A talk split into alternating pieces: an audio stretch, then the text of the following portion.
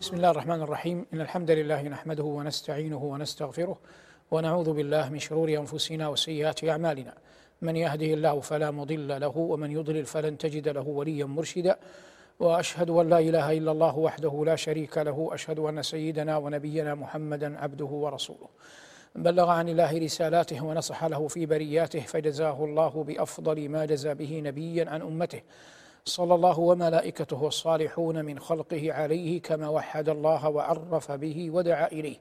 وبعد أيها المباركون هذا لقاء متجدد مبارك بعون الله من برنامجكم روح المعاني. وفي هذا اللقاء وربما في أكثر من حلقة سنعرج إن شاء الله تعالى على سورة الكهف.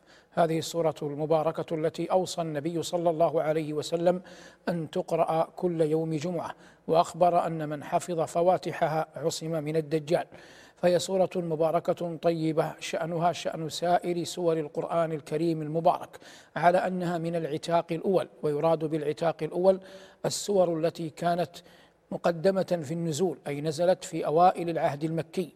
كان ابن مسعود رضي الله تعالى عنه وأرضاه وهو أحد الصحابة الأجلاء الذين قال عنه النبي صلى الله عليه وسلم إنك غلام معلم. كان يقول عن سورة الكهف إنها من العتاق الأول. هي وسورة الإسراء وسورة الأنبياء وسورة طه. وعبد الله بن مسعود أخذ أكثر من ثلاثين سورة من في رسول الله صلى الله عليه وسلم. وقد قال له النبي عليه وقد قال النبي صلى الله عليه وسلم خذوا القرآن من أربعة وقدمه من من ابن أم عبد وهو عبد الله بن مسعود رضي الله عنه وأرضاه هاجر إلى المدينة و سكنها ثم كانت له أيام في العلم جليلة زمن عبد الله بن مس... زمن أمير المؤمنين عمر بن الخطاب رضي الله تعالى عنه وأرضاه. قال ربنا وهو أصدق القائلين في فاتحة هذه السورة المباركة الحمد لله الذي أنزل على عبده الكتاب ولم يجعل له عوجا بين جل وعلا لخلقه كيف يحمدوه وقد جاءت خمس سور من القرآن مفتتحة بالحمد سورة الفاتحة وسورة الأنعام وسورة الكهف وهي واسطة العقد وسورة سبأ وسورة فاطر. فهذه الخمس السور المباركات كلهن ابتدأها الله جل وعلا بحمد ذاته العلية. قال ربنا هنا الحمد لله الذي أنزل على عبده الكتاب. والفرق بين الحمد والشكر أن الشكر يكون مقابل نعمة. وأما الله جل وعلا في الحمد فيحمد جل وعلا على كل حال. ونعوذ بالله من حال أهل النار. يحمد على السراء ويحمد على الضراء. تبارك اسمه وجل ثناؤه. قال ربنا هنا الحمد لله الذي أنزل على عبده الكتاب فالكتاب هنا هو القرآن العظيم والذي أنزله هو الله جل وعلا والعبد هنا نبينا صلى الله عليه وسلم. ولا مقام أجل ولا أشرف ولا أرفع من مقام العبودية ولا أجل ولا لا مقام أجل ولا أشرف ولا أرفع من مقام العبودية. والعبودية تقع على ثلاثة أضرب والعبودية تقع على ثلاثة أضرب. تقع عبودية رق بأن يكون الإنسان رقيقا عبدا وهذا جاء الشرع به ولعبد مؤمن خير من مشرك. ومنه قول الله جل وعلا أو ما ملكت أيمانكم. فهذا عبد هذا معنى كلمة عبد في السياق الأول. في السياق الثاني تأتي كلمة عبد بمعنى عبد الطاعة.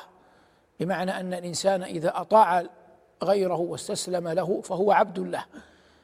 وهذا العبودية في الطاعة تنقسم إلى قسمين. عبودية وهي عبودية طاعة لله تبارك وتعالى. وهذه هي التي يتنافس فيها المتنافسون ويتسابق فيها المقربون. وعبودية طاعة لغير الله وهي الهلاك بعينه. ومنه قول النبي صلى الله عليه وسلم تعس عبد الدينار وتعس عبد الدرهم. والعبودية الثالثة هي عبودية الخضوع لله رب العالمين وهذه يشترك فيها الخلائق أجمعون. الجن والإنس والملائكة. قال الله جل وعلا إن كل من في السماوات والأرض إلا آتي الرحمن عبدا لقد أحصاهم وعدهم عدا وكلهم آتيه يوم القيامة فردا. قال ربنا الحمد لله الذي أنزل على عبده الكتاب ولم يجعل له عوجا قيما لينذر بأسا شديدا من لدنه. فالله تبارك وتعالى يخبر أنه أنزل هذا الكتاب القيم الذي لا اعوجاج فيه الذي لا زيغ فيه الداعي إلى كل حق وهدى على قلب نبيه صلى الله عليه وسلم لينذر نبينا عليه السلام بهذا القرآن الناس جميعا.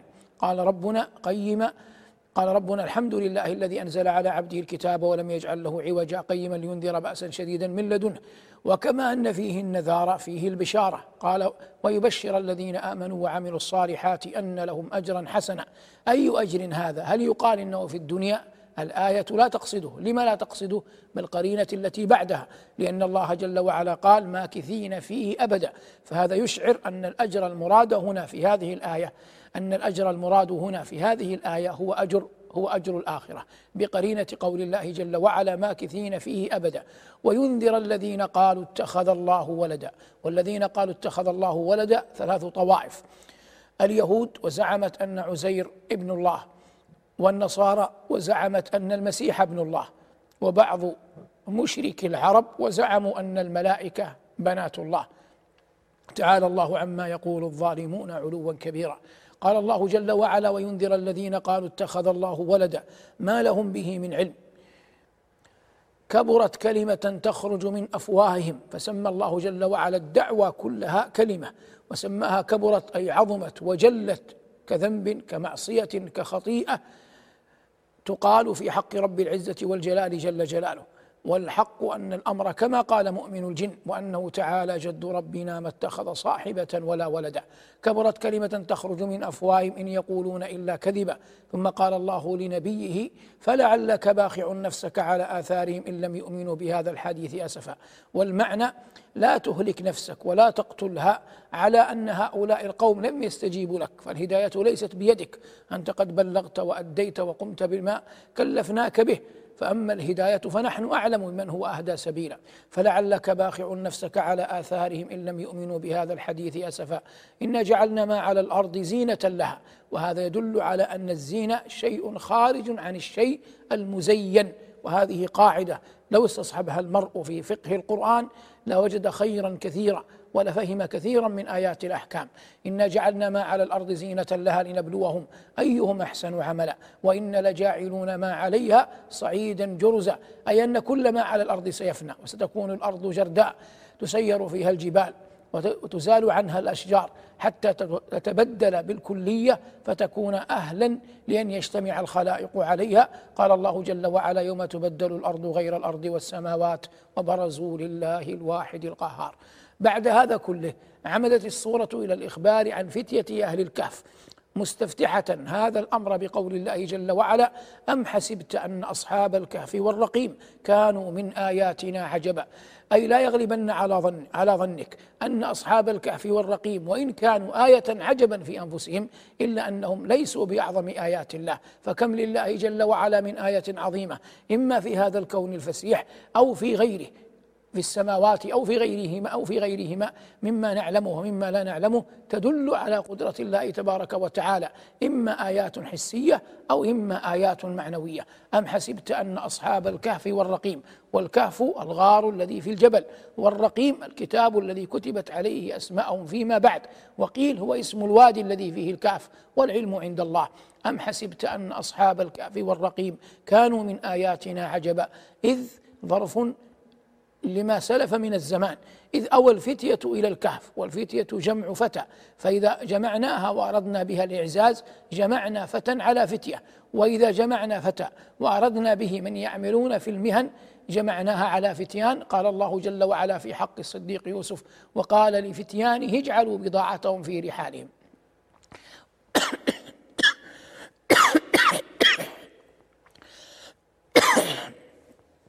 قال الله تبارك وتعالى هنا إذ أوى الفتية إلى الكهف فقالوا ربنا آتنا من لدنك رحمة وهيئ لنا من أمرنا رشدا. لما لجوا إلى الله جل وعلا آواهم ولما استعانوا به أعانهم ولما طلبوه كانوا كان جل وعلا عند حسن ظن عباده به. إذ أوى الفتية إلى الكهف فقالوا ربنا آتنا من لدنك رحمة وهيئ لنا من أمرنا رشدا. سألوا الله جل وعلا رحمة تسعهم ورشدا يهتدون به. ربنا آتنا من لدنك رحمة وهيئ لنا من أمرنا رشدا. فضربنا على آذانهم. وهذا غاية ما يمكن أن يكونوا فيه في حالة نوم ورقاد بعيدين عن الناس وعن أعين الناس لأن الضرب في لغة العرب أصلا يراد به الإلصاق. قال الفرزدق يهجو جريرا ضربت عليك العنكبوت بنسجها وقضى عليك به الكتاب المنزل.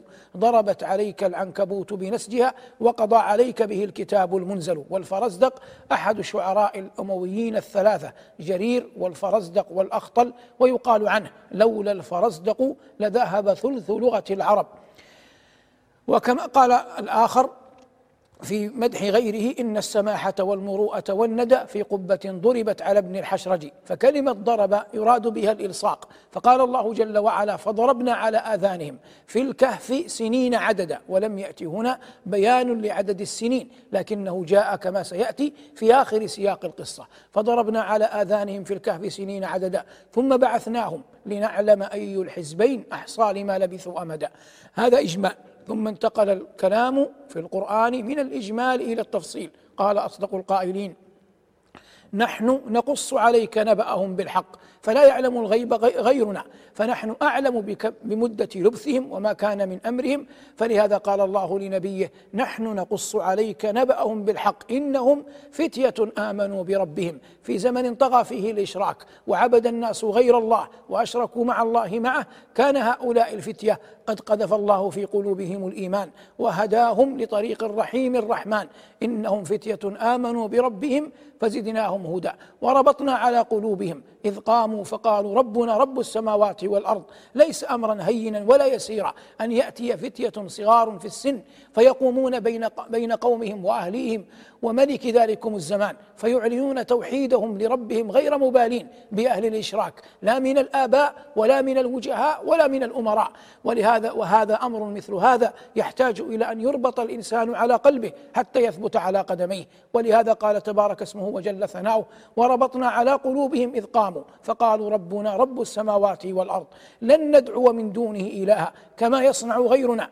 لقد قلنا اذا انشطط أي لو صنعنا هذا الصنيع واتبعنا هذا السبيل فقد فقد حدنا عن الطريق القويم وزغنا عن طريق الحق. ولهذا قال الله جل وعلا عنهم أنهم قالوا لقد قلنا اذا شططا ثم ذكروا قومهم وما هم فيه من الإشراك بالله والكفر به. هؤلاء قوم اتخذوا من دونه آلهة. لولا يأتون عليهم بسلطان بين. أي براهين أي أدلة أي حجج يتخذونها سبيلا إلى أن يعبدوا الأوثان من دون الله. هؤلاء قوم اتخذوا من دونه آلهة. لولا يأتون عليهم بسلطان بين. فمن أظلم ممن افترى على الله كذبا. ثم قال بعضهم لبعض وإذ اعتزلتموهم. واحيانا يكون الاعتزال من أعظم ما يقرب من الرب الكبير المتعال. اعتزال أهل الكفر اعتزال أهل الشرك اعتزال أهل المعاصي. قد يكون أحيانا من أعظم الواجبات وقد يكون أحيانا لا بد للإنسان من مخالطة غيره. وإذ اعتزلتموهم وما يعبدون أي والذي يعبدون وما يعبدون من دون الله. ماذا نصنع؟ جاءهم الجواب بعضهم لبعض فأووا إلى الكهف. فإذا أويتم إلى الكهف لا تريدون إلا رحمة الله ولا تفرون إلا بدينكم عمن يعصي الله. فأووا إلى الكهف ينشر لكم ربكم من رحمته ويهيئ لكم من أمركم مرفقا مرف ويهيئ لكم من أمركم مرفقا. عظم وحسن ظنهم بربهم جل وعلا.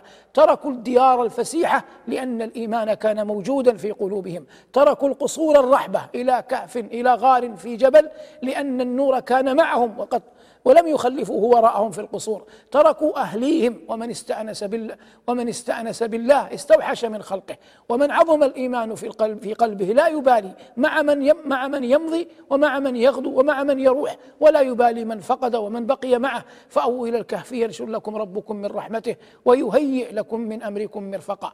فضرب الله جل وعلا على آذانهم في الكهف. وكانت الشمس وهي آية عظيمة. ولها سبيلها وطريقها الذي لا يتبدل. قال أصدق القائلين وترى الشمس إذا طلعت تزاور عن كهفهم ذات اليمين وإذا غربت تقرضهم ذات الشمال وهم في فجوة منه. وترى الشمس إذا طلعت تزاور أي تميل. والإزرار في اللغة الميل. تقول زرت فلانا بمعنى أنني كنت في طريقي فملت إليه. ونحن سائرون إلى الآخرة. الأصل أننا سائرون إلى الآخرة. فمرورنا على القبور نوع من الزيارة. نحن نميل في سيرنا إلى الله جل وعلا ندخل القبور ثم نخرج منها لأن ليست دار إقامة ليست دار بقاء فنتركها إلى غيرها. وكذلك من تزوره أنت لأي غرض كان لا تقصد أن تبقى عنده وإلا لا يسمى هذا زيارة. لكنك تبقى عنده دهرا أو وقتا أو لحظات ثم لا تلبث أن تنفك أن تنفك عنه. فهذا لهذا سميت الزيارة زيارة.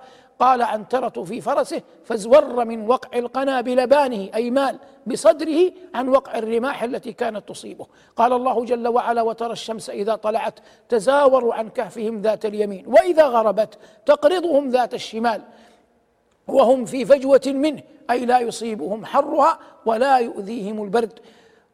وإذا غربت تقرضهم ذات الشمال وهم في فجوة منه ذلك من آية وكلبهم باسط ذراع قال الله تعالى وترى الشمس إذا طلعت تزاور عن كافهم ذات اليمين وإذا غربت تقرضهم ذات الشمال وهم في فجوة منه. ذلك من آيات الله. من يهد الله فهو المهتد ومن يضلل فلن تجد له وليا مرشدا. أخبر جل وعلا أن كل ما قد وقع قبله كان آية من آيات الله. ولا يمكن أن يقال إنه آية من آيات الله إلا إذا كان خارقا للمألوف خارجا عن الأمر المعهود. خارقا للمألوف خارجا عن الأمر المعهود. قال ربنا من يهدي الله فهو المهتد ومن يضلل فلن تجد له وليا مرشدا. وتحسبهم أيقاظا وهم رقود لأنهم قد ناموا وأعينهم مفتوحة. ناموا وأعينهم مفتوحة فيراهم الرائي. ألقى الله جل وعلا عليهم الهيبة. لا يستطيع أن يملك قواه وهو ينظر إليهم. وترى قال ربنا جل وعلا وتحسبهم أيقاظا وهم رقود. وقد كانت العرب تزعم في كلامها أن الجن تهاب الذئب ويقولون إن الذئب ينام بإحدى عينيه ويبقي الأخرى مفتوحة. قال قائلهم ينام بإحدى مقلتيه ويتقي بأخرى المنايا فهو يقظان نائم. ينام بإحدى مقلتيه ويتقي بأخرى المنايا فهو يقظان نائم.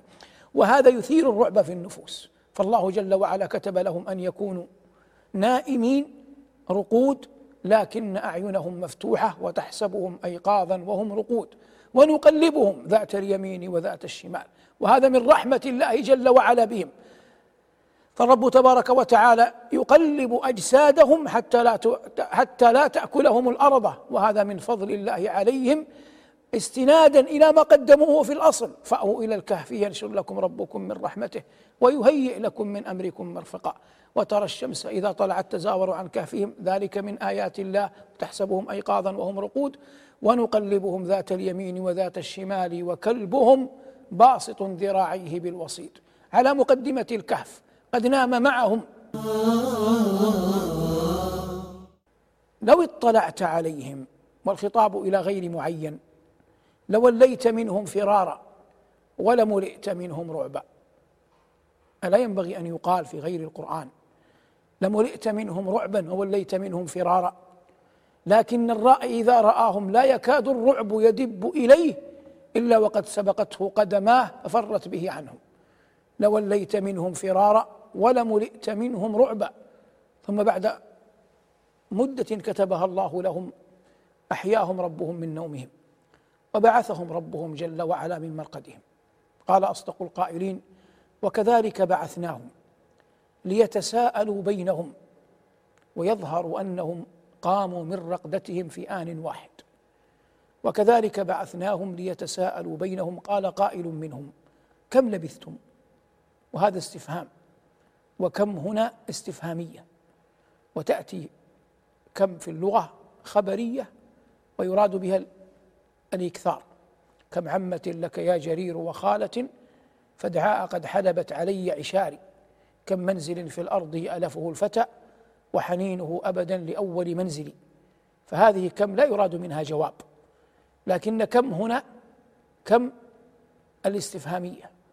قال قائل منهم كم لبثتم؟ قالوا لبثنا يوما أو بعض يوم. انخ مطاياك أيها الأخ الكريم هنا. لا يمكن أن يقول القائل منهم لبثنا يوما أو بعض يوم وشيء من هيئتهم تبدل أو تغير. لو كان الأمر كما قال بعض المفسرين طالت أشعارهم وأظفارهم ولحاهم لما قال هذا المجيب منهم لبثنا يوما أو بعض يوم. لأنه معلوم عقلا ونقلا أن الأظفار والأشعار واحتداب الظهر لا يمكن أن يكون في ليلة وضحاها. قال قائل منهم كم لبثتم؟ قالوا لبثنا يوما أو بعض يوم. ثم لما كانوا قد سألوا الله الرشاد من قبل هداهم ربهم إلى الرشاد. فأعرضوا الذكر صفحا عن مسألة كم بقوا في الكهف كم مدة نومهم ورقادهم. فأعرضوا عن هذا لأن هذا ليس قضيتهم الآن. وإنما قضيتهم كيف يسدون رمق الجوع وقد بعثهم الله جل وعلا من مرقدهم. قالوا ربكم أعلم بما لبثتم. ما الخطوة التي بعدها؟ فابعثوا أحدكم بورقكم هذه إلى المدينة. أخرجوا ورقا أي فضة كان معهم من قبل. وهذا يدل على أنهم من بيوت ميسورة. فابعثوا أحدكم بورقكم هذه إلى المدينة فلينظر أيها أزكى طعاما فليأتكم برزق منه. تحتمل أزكى أطيب وأطهر وتحتمل ما هو أنفع لهم. ويحتمل الأمرين معا ولا تعارض بينهما. فلينظر أيها أزكى طعاما فليأتكم برزق منه وليتلطف. العاقل لا يشغب على نفسه ولا يسوق الناس إلى هلاكه. ومن دعا الناس إلى ذمه ذموه بالحق وبالباطل. وينبغي على أن من يقرأ القرآن أن يستنبط منه ويفقه المراد. فالله ما قص علينا أنباء السابقين وأخبار الغابرين وأحوال الأولين إلا لنتعظ ولنجعلها نبراسا بين أعيننا وليتلطف فالعاقل لا يقتل نعمة أنعم الله بها عليه ولا يشغب على نفسه ولا يشعرن بكم أحدا. لما ولا يشعرن بكم أحدا؟ إنهم إن يظهروا عليكم هم ما زالوا يعتقدون أن أهل الزمان الذين دخلوا الكهف في يومهم ما زالوا أحياء والأمر غير ذلك. إنهم إن يظهروا عليكم يرجموكم أي بالحجارة أو يعيدوكم في ملتكم أي يفتنوكم في دينكم. فإن وقع هذا ولن تفلحوا إذا أبدا. وأي فلاح يكون بعد أن بدلتم الإيمان بالكفر بعد أن تركتم الحق إلى الضلال ولن تفلحوا إذا أبدا. قال أصدق القائلين وكذلك أعثرنا عليهم. والمعنى أن صاحبهم خرج. وأخرج الورق الذي معه مما كان سببا في أن يستدل الناس عليهم. فتغير الساقي وحال الجام وتبدل الناس وليس الناس هم الذين تركوهم أيام دخولهم للكهف. لا الملك هو الملك ولا الرعية هي الرعية ولا الدينار والدرهم هو الدينار والدرهم. قال الله جل وعلا وكذلك أعثرنا عليهم ليعلموا. أي كل من يرى حالهم أن وعد الله حق وفي هذا إشارة إلى قدرة الله جل وعلا على إحياء الموتى وأن الساعة لا ريب فيها. ثم ذكر الله جل وعلا كيف فتن الناس بهم إذ يتنازعون بينهم أمرهم. قالوا ابنوا عليهم بنيانا تعظيما وتبجيلا. قال الذين غلبوا على أمرهم أي أصحاب السلطان والنفوذ والقوة لأن كلمة غلبه في القرآن لا تستخدم في المغالبة العلمية إنما تستخدم في المغالبة العسكرية. قال الله جل وعلا كتب الله لأغلبن أنا ورسلي. وقال فإنكم غالبون. وهذا كله في ميدان الحروب. فالذي يظهر أن الذين سادوا آنذاك لم يكونوا ذوي علم. ولهذا قال الله جل وعلا عنهم قال الذين غلبوا على أمرهم لنتخذن عليهم مسجدا. فبنوا مسجدا عليهم. وليس في هذا دليل على جواز بناء المساجد على القبور كما ذهب البعض. لأن الله جل وعلا لم يذكر تعقيبا لا مدحا ولا ذما. فنلجأ إلى نص آخر نحتكم إليه. وقد صح عن نبينا صلى الله عليه وسلم كما تقول أم المؤمنين عائشة رضي الله عنها أنه قال في مرض وفاته لعن الله اليهود والنصارى اتخذوا قبور أنبيائهم مساجد. تقول أم المؤمنين يحذر ما صنعوا. لعن الله اليهود والنصارى اتخذوا قبور أنبيائهم مساجد. يحذر ما يحذر ما صنعوا أي حتى لا يتأسى الناس بهم. قال الذين غلبوا على أمرهم لنتخذن عليهم مسجدا. ثم ذكر جل وعلا الخلاف القائم بين الناس حول عدد أصحاب الكهف أو عدد ما لبثوه في الكهف. قال الله جل وعلا سيقولون ثلاثة رابعهم كلبهم أن يذهب طائفة من الخلق إلى أن إلى أن عدد أصحاب الكهف ثلاثة والرابع هو الكلب. ويقولون خمسة سادسهم كلبهم رجما بالغيب ويقولون سبعة وثامنهم كلبهم. قال بعض أهل العلم إن الواو هنا واو الثمانية واحتجوا بآيات. منها قول الله جل وعلا عسى ربه إن طلقكن أن يبدله أزواجا خيرا منكن مسلمات مؤمنات قانتات تائبات عابدات سائحات ثيبات وأبكارا. والحق أنه ليس في هذه الآية دليل لأن قول الله جل وعلا ثيبات وأبكارا لم يؤت بالواو من أجل أن أبكارا جاءت ثامنة الصفات وإنما لأنه يمكن الجمع من أن تكون المرأة المؤمنة مؤمنة مسلمة تائبة لكن محال أن تكون ثيبا وبكرا في آن واحد ففصل بينهما بالواو والعطف يقتضي المغايرة والعلم عند الله. واحتجوا كذلك بقول الله جل وعلا وسيق الذين اتقوا ربهم إلى الجنة زمرا حتى إذا جاءوها وفتحت أبوابها. قالوا أبواب الجنة ثمانية فلهذا جاء الله جل وعلا في كتابه العظيم هنا بالواو. والحق أن الواو هنا واو الحال. والمعنى أنهم يجدونها مغلقة فيأتون نبينا صلى الله عليه وسلم ليفتحها لهم. والمقصود أن القول بأن هناك واو يقال لها واو الثمانية بعيد جدا. قال الرب تبارك وتعالى ويقولون سبعة وثامنهم كلبهم قل ربي أعلم بعدتهم. ويروى عن الحبر بن عباس رضي الله تعالى عنهما أنه كان يقول أنا من القليل الذين يعلمونهم كانوا سبعة وثامنهم كلبهم. وعبد الله بن عباس هو ابن عم رسول الله صلى الله عليه وسلم والذي قال له النبي عليه الصلاة والسلام يا غلام احفظ الله يحفظك احفظ الله تجده تجاهك. ثم أوصاه بوصايا ودعا له اللهم فقهه في الدين وعلمه التأويل وهو المعروف بالحبر رضي الله تعالى عنه وأرضاه. عمر وكان مع علي رضي الله تعالى عنه وأرضاه في حروبه وكان ذا حكمة وبصيرة نافذة رضي الله عنه وأرضاه وهو من كبار العلماء. ومعدود في العبادلة الأربعة المعروفين. قال الله جل وعلا ويقولون سبعة وثابنهم كلبهم قل ربي أعلم بعدتهم ما يعلمهم إلا قليل فلا تماري فيهم إلا مراء ظاهرا. فالجدال مذموم على كل حال إلا ما كان بالحق واللين. قال الله جل وعلا ولا تجادلوا أهل الكتاب إلا بالتي هي أحسن. وقال عليه الصلاة والسلام أنا زعيم بيت في ربض الجنة لمن ترك المراء وإن كان محقا. فالمؤمن العاقل يأنف أن يعيش حياته كلها في جدال ومراء. فقال ربنا جل وعلا لنبيه صلى الله عليه وسلم فلا تماري فيهم إلا مراء ظاهرا ولا تستفت فيهم منهم أحدا. ثم قال له مؤدبا ولا تقولن لشيء إني فاعل ذلك غدا إلا أن يشاء الله. فما كان ما شاء الله جل وعلا كان وما لم يشأ الله لم يكن ولن يكون. ولينبغي أن يعلم أن تعليق الأمر بالمشيئة يقع تبركا ويقع استنادا ومعلقا. قال الله تبارك وتعالى لتدخلن المسجد الحرام إن شاء الله آمنين محلقين رؤوسكم ومقصرين. والنبي صلى الله عليه وسلم قال في حق زيارة أهل المقابر وأنا إن شاء الله بكم لاحقون. ومعلوم قطعا أن الموت مكتوب على كل نفس حتم لازم.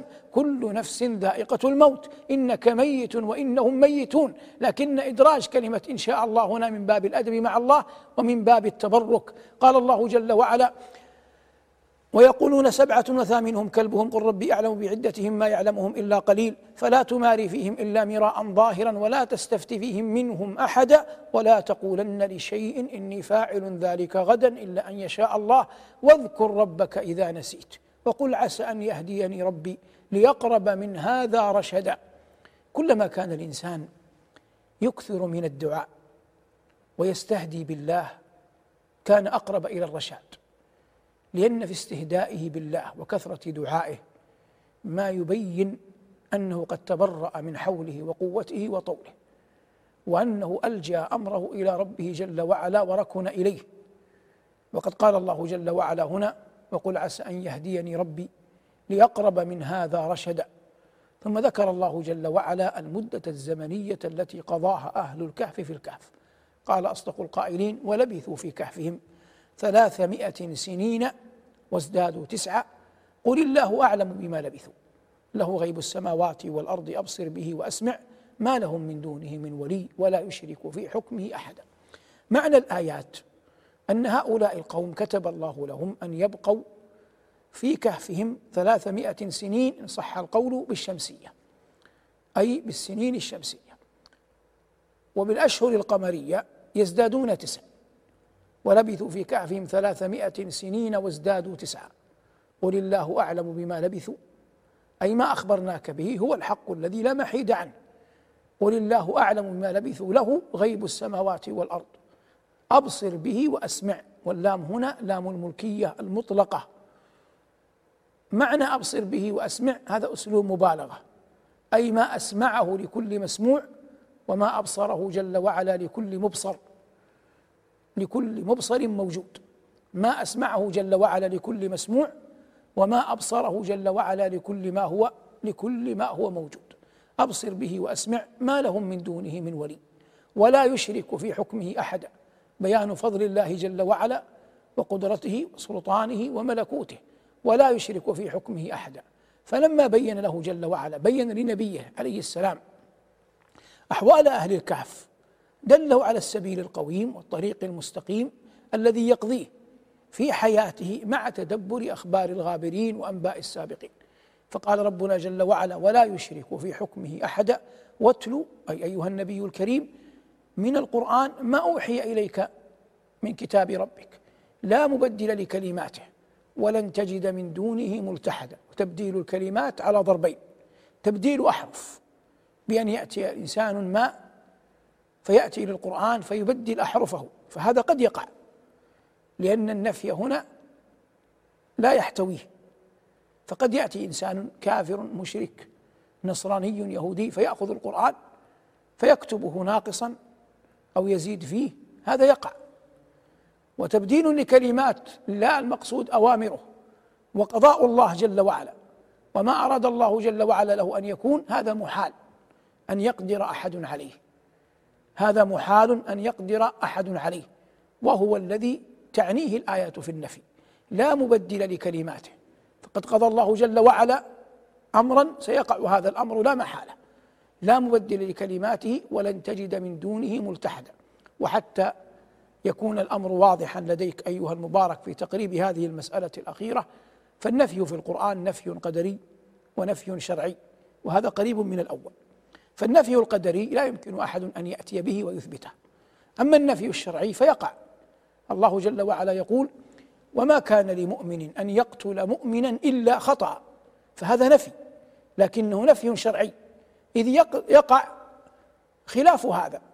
وأن يأتي أحد فيقتل مؤمنا يأتي مؤمن فيقتل مؤمنا عمدا. وهذا مشاهد محسوس. لا يمكن إنكاره.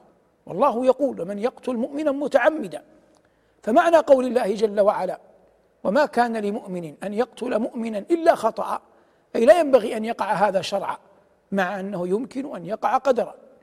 أما النفي القدري فمثال قول الله جل وعلا لما ذكر الشواهد على ألوهيته ووحدانيته قال ما كان لكم أن تنبتوا شجرها فهذا نفي قدري كوني. فمحال أحد أن ينبت شجر أن ينبت شجرة. ما كان لكم أن تنبتوا شجرها. محال أن يأتي أحد فينبت شجرة ويحييها من نفسه. فهذا ما نفاه الله هنا غير ما نفاه الله جل وعلا في قوله تبارك اسمه وما كان لمؤمن أن يقتل مؤمنا إلا خطأ فهم الأشباه والنظائر وإدراك طرائق القرآن وأساليب العرب في كلامها يعينك أيها المبارك على أن تفقه عن الله كلامه. هذا ما تيسر إراده وتهيأ إعداده حول الحلقة الأولى من سورة الكهف. أسأل الله أن يوفقنا وإياكم لما يحب ويرضى وأن يلبسنا وإياكم لباسي العافية والتقوى. وصلى الله على محمد وآله والحمد لله رب العالمين. والسلام عليكم ورحمة الله وبركاته. بسم الله الرحمن الرحيم. الحمد لله على فضله والصلاة والسلام على أشرف رسله وخير خلقه وبعد.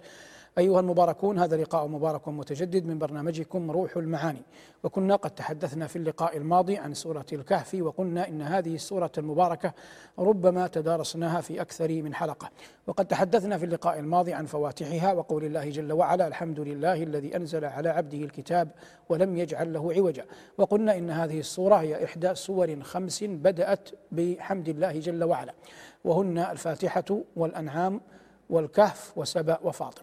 ثم تحدثنا عن أصحاب الكهف وما كان من خبرهم وأيامهم كما قص ربنا جل وعلا في كتابه إذ قال نحن نقص عليك نبأهم بالحق.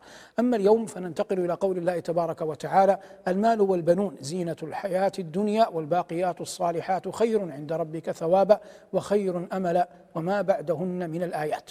الله جل وعلا كتب حب المال في قلوب العباد فطرة. قال جل ذكره وتحبون المال حبا جما. وقال وإنه لحب الخير لشديد. ففطر العباد على حب المال وكثرة المال يحصل بها فائدتان فائدة يحصل بها فائدتان عظيمتان. الأولى منهما استغناء الإنسان عن الناس والأمر الثاني تفضل الإنسان على من سواه. استغناء الإنسان عن الناس وتفضل الإنسان على من على من سواه. فأما الأول فلا يجعل لأحد عليه يدا وأما الآخر فيجعل له يدا على الناس.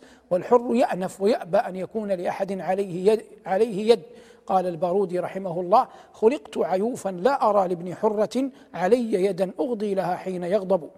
فهذا مما يحاول العظماء كثيرا أن يت... أن يصنعوه وأن ياتوه، أما الثاني فإنه يجعل للإنسان يدا على غيره، وقد كان آل المهلب بن أبي صفرة رضي... رضي الله عنه من أكثر الناس سخاء وجودا، حتى قالوا إن المهلب كان يقول لأبنائه: يا أبنائي إن ثيابكم على غيركم أحسن منها عليكم، إن ثيابكم على غيركم أحسن منها على غيركم، وكان يقول عجبت لمن يشتري الأرقاء بماله كيف لا يشتري الأحرار بمعروفه؟ ومعلوم جبلة أن الإنسان إذا أحسن إليه كان تبعا لمن أحسن إليه وقد قيل استغني عمن شئت تكن أميرة واحتج إلى من شئت تكن أسيرة. وهذا كله يبين أن الإنسان العاقل يعرف متى يستغني متى يعطي متى يأخذ. استغني عمن شئت تكن نظيره وأعطي من شئت تكن أميره واحتج إلى من شئت تكن أسيره. نقول أن المال يدور بين هذين الفلكين وقد فطر الله جل وعلا الناس على حبه وقال ربنا زين للناس حب الشهوات من النساء والبنين والقناطير المقنطرة من الذهب والفضة والخيل المسومة والأنعام والحرث.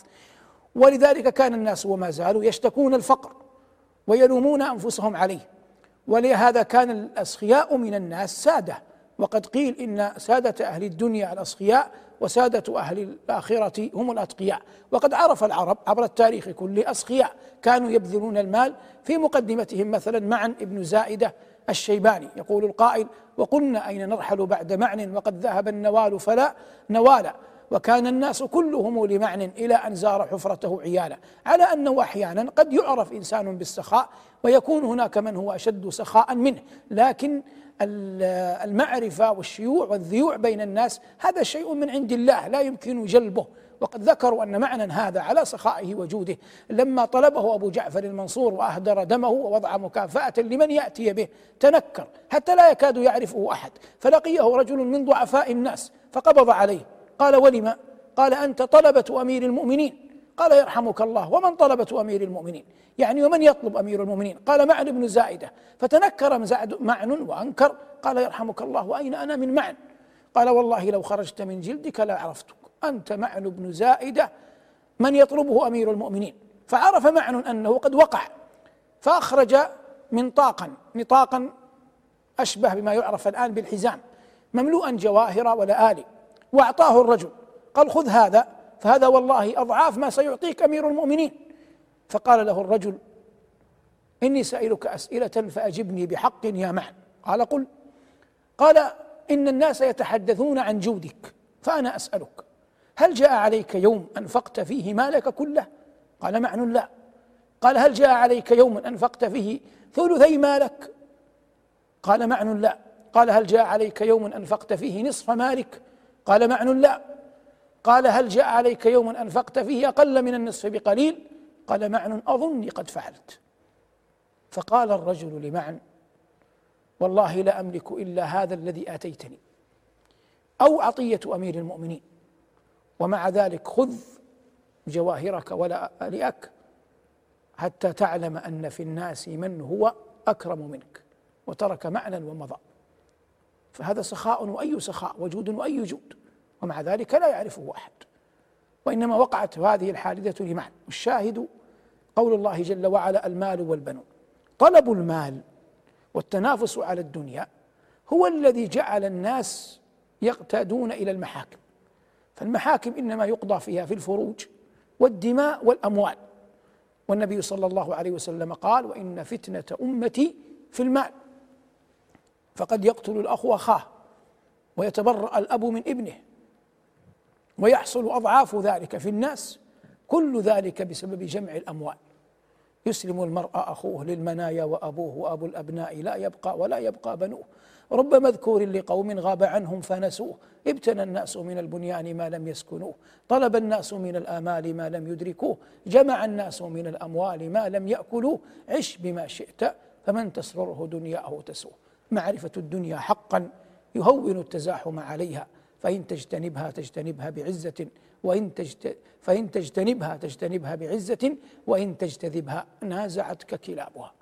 هذا حول قول الله جل وعلا المال وهو جمال ونفع. الآخر قال الله والبنون وهي قوة ودفع. والبنون المراد بها الذكران دون دون الإناث. والشواهد قائمة على أن الإنسان الكثير الأبناء يدافعون عنه ويقومون به خاصة عند حلول النوائب ونزول المصائب.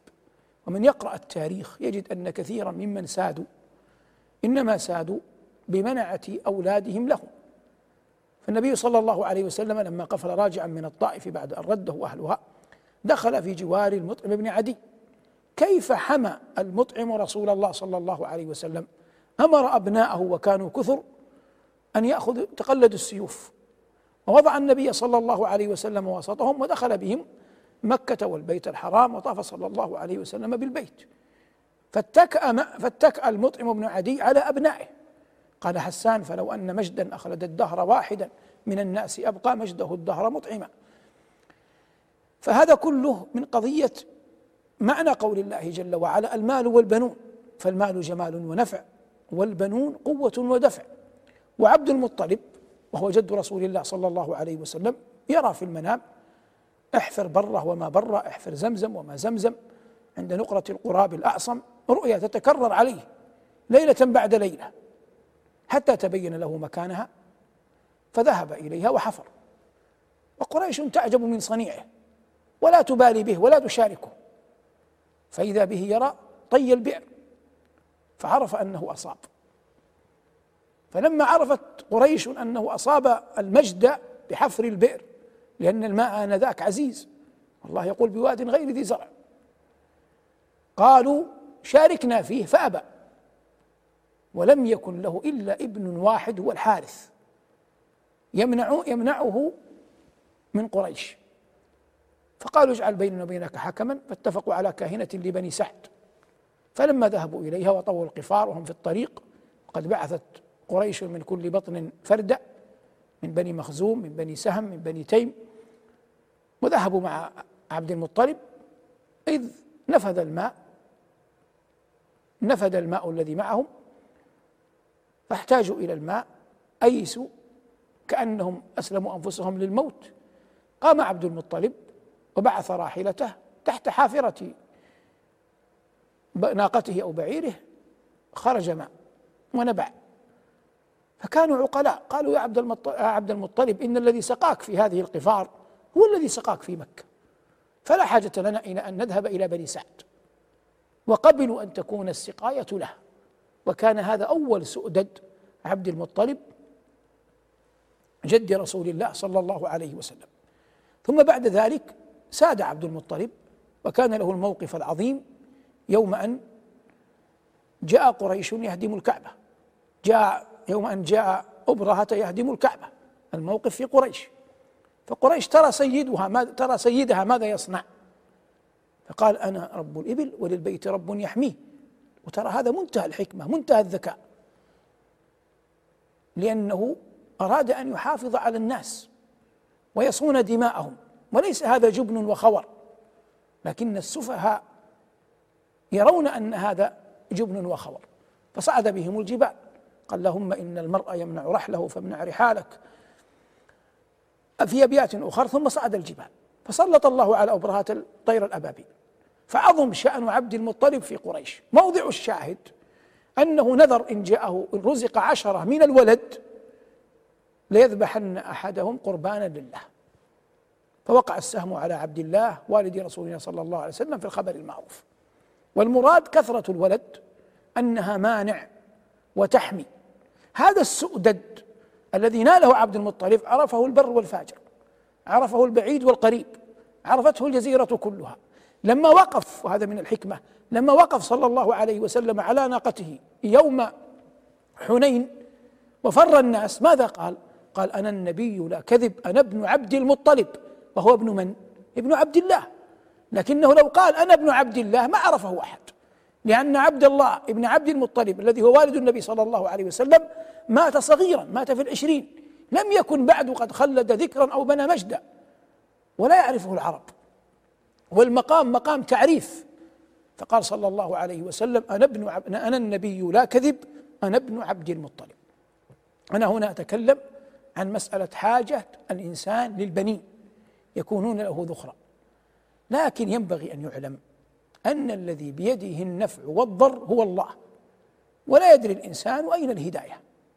ويقولون إن عمر بن الخطاب رضي الله تعالى عنه جاءه رجل وقد أسدى إليه عمر معروفا أيام خلافته. وعمر كان يخرج كثيرا يسم إبل الصدقة. فجاءه الرجل وكأنه أخذ ما يريد. فقال لأمير المؤمنين من باب الكلم الطيب قال يا أمير المؤمنين خدمك البنون. فنظر إليه عمر وقال بل أغناني الله عنهم. بل أغناني الله عنهم. فالاستغناء بالله شيء أعظم. لكن لا بد أن يجمع الإنسان ما بين التوكل على رب العباد والأخذ بالأسباب. نقول قال الله جل وعلا المال والبنون زينة الحياة الدنيا. وهذا حق لا مرية فيه. وربنا يقول زينة الحياة الدنيا. لما ذكر الله زينة الحياة الدنيا ذكر الزينة التي لا تبيت. وتبقى. فقال جل ذكره والباقيات الصالحات. تنصرف أول ما تنصرف إلى قول سبحان الله والحمد لله ولا إله إلا الله والله أكبر ولا حول ولا قوة إلا بالله. ثم كل عمل صالح يراد به وجه الله ويتبع به العبد سنة نبينا صلى الله عليه وسلم فإنه يعد من الباقيات الصالحات. أي يبقى يكتبه الملك ويجده العبد ذخرا له بين يدي الله إذا لقي الله. وما أحوج الإنسان يومئذ إلى كل عمل صالح.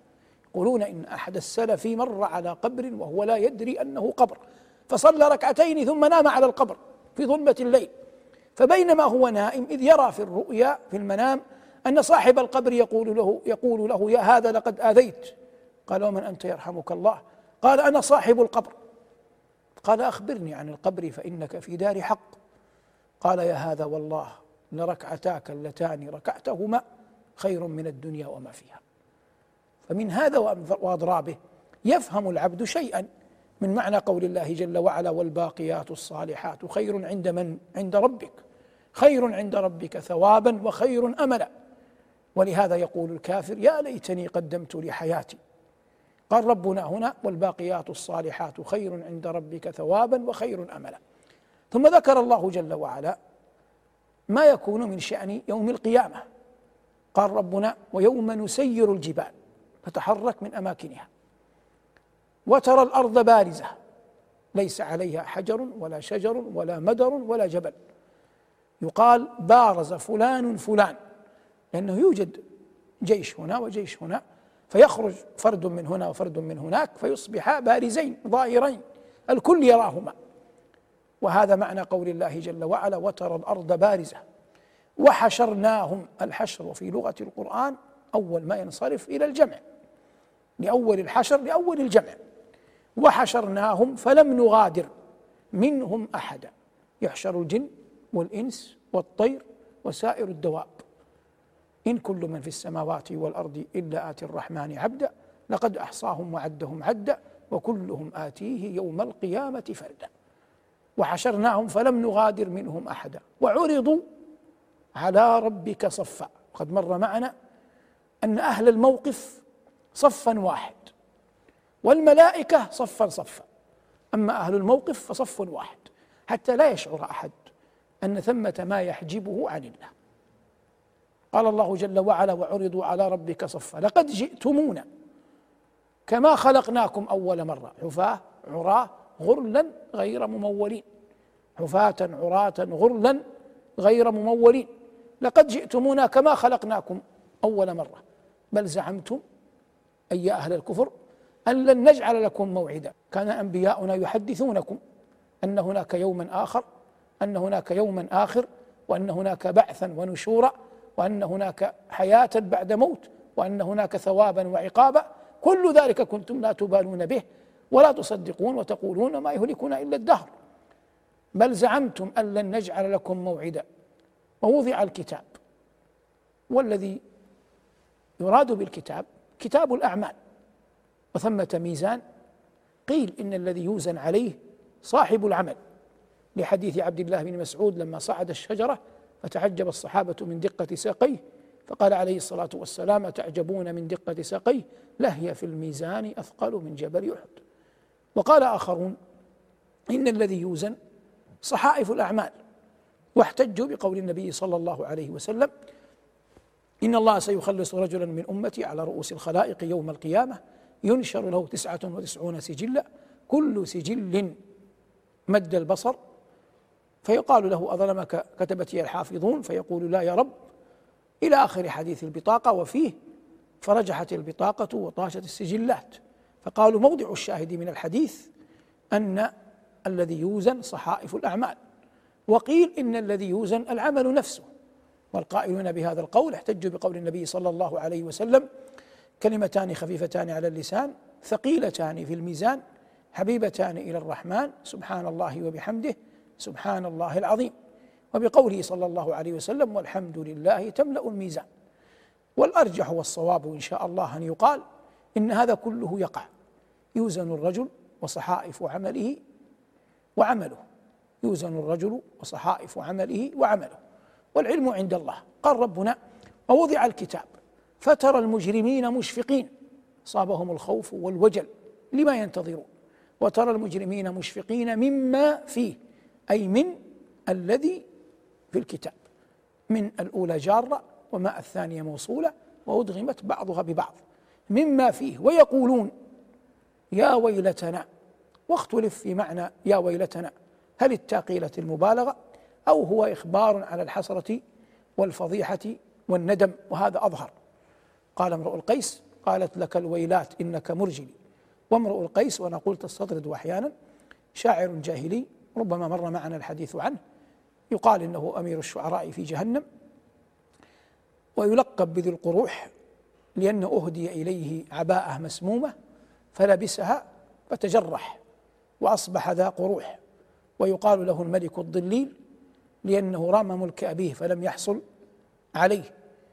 قال الفرزدق وهب القصائد للنوابغ إذ مضوا وأبو يزيد وذو القروح وجرول فيقصد بذي القروح امرؤ القيس. ومعنى امرئ القيس أي رجل الشدة. معنى امرؤ القيس أي رجل الشدة. وهو صاحب المعلقة الشهيرة. قفا نبكي من ذكرى حبيب ومنزلي بسقط لوى بين الدخول فحوملي. وقوفا بها صحبي علي مطيهم. يقولون لا تهلك أسا وتجملي. فيقولون إنه أول من وقف. إنه أول من وقف واستوقف وبكى واستبكى. ويذكرون عنه أشياء أخر. والمقصود التعريف به إجمالا. فنقول قال لك الويلات إنك مرجلي. وهنا قال الله جل وعلا ووضع الكتاب فترى المجرمين مشفقين مما فيه ويقولون يا ويلتنا ما لهذا الكتاب؟ هذا استفهام. لا يغادر صغيرة ولا كبيرة إلا أحصاها. معنى لا يغادر؟ أنت تعلم أن السيل يأتي على الوادي ثم يمضي ثم يترك السيل غدران غدران ماء يترك السيل غدران ماء. فيأتي الناس يقيلون عند هذا الغدير. فيسمى هذا غديرا لأن السيل تركه وغادره. تركه ومضى وغادره يعني بقي بعد السيل. فهؤلاء يقولون ما لهذا الكتاب لا يغادر صغيرة ولا كبيرة. أي ليس هناك شيء من المعاصي يتركه لا صغيرا ولا كبيرا. ما لهذا الكتاب لا يغادر صغيرة ولا كبيرة. قال أهل العلم قدمت الصغيرة لبيان الدقة في الإحصاء وأخرت الكبيرة وجيء بها ليعلم العموم وأنه لا شيء يترك. لا يغادر صغيرة ولا كبيرة إلا أحصاها ووجدوا ما عملوا حاضرا بين أعينهم ولا يظلم ربك أحدا. والله جل وعلا منزه عن الظلم. يا عبادي إني حرمت الظلم على نفسي وجعلته بينكم محرما فلا تظالموا.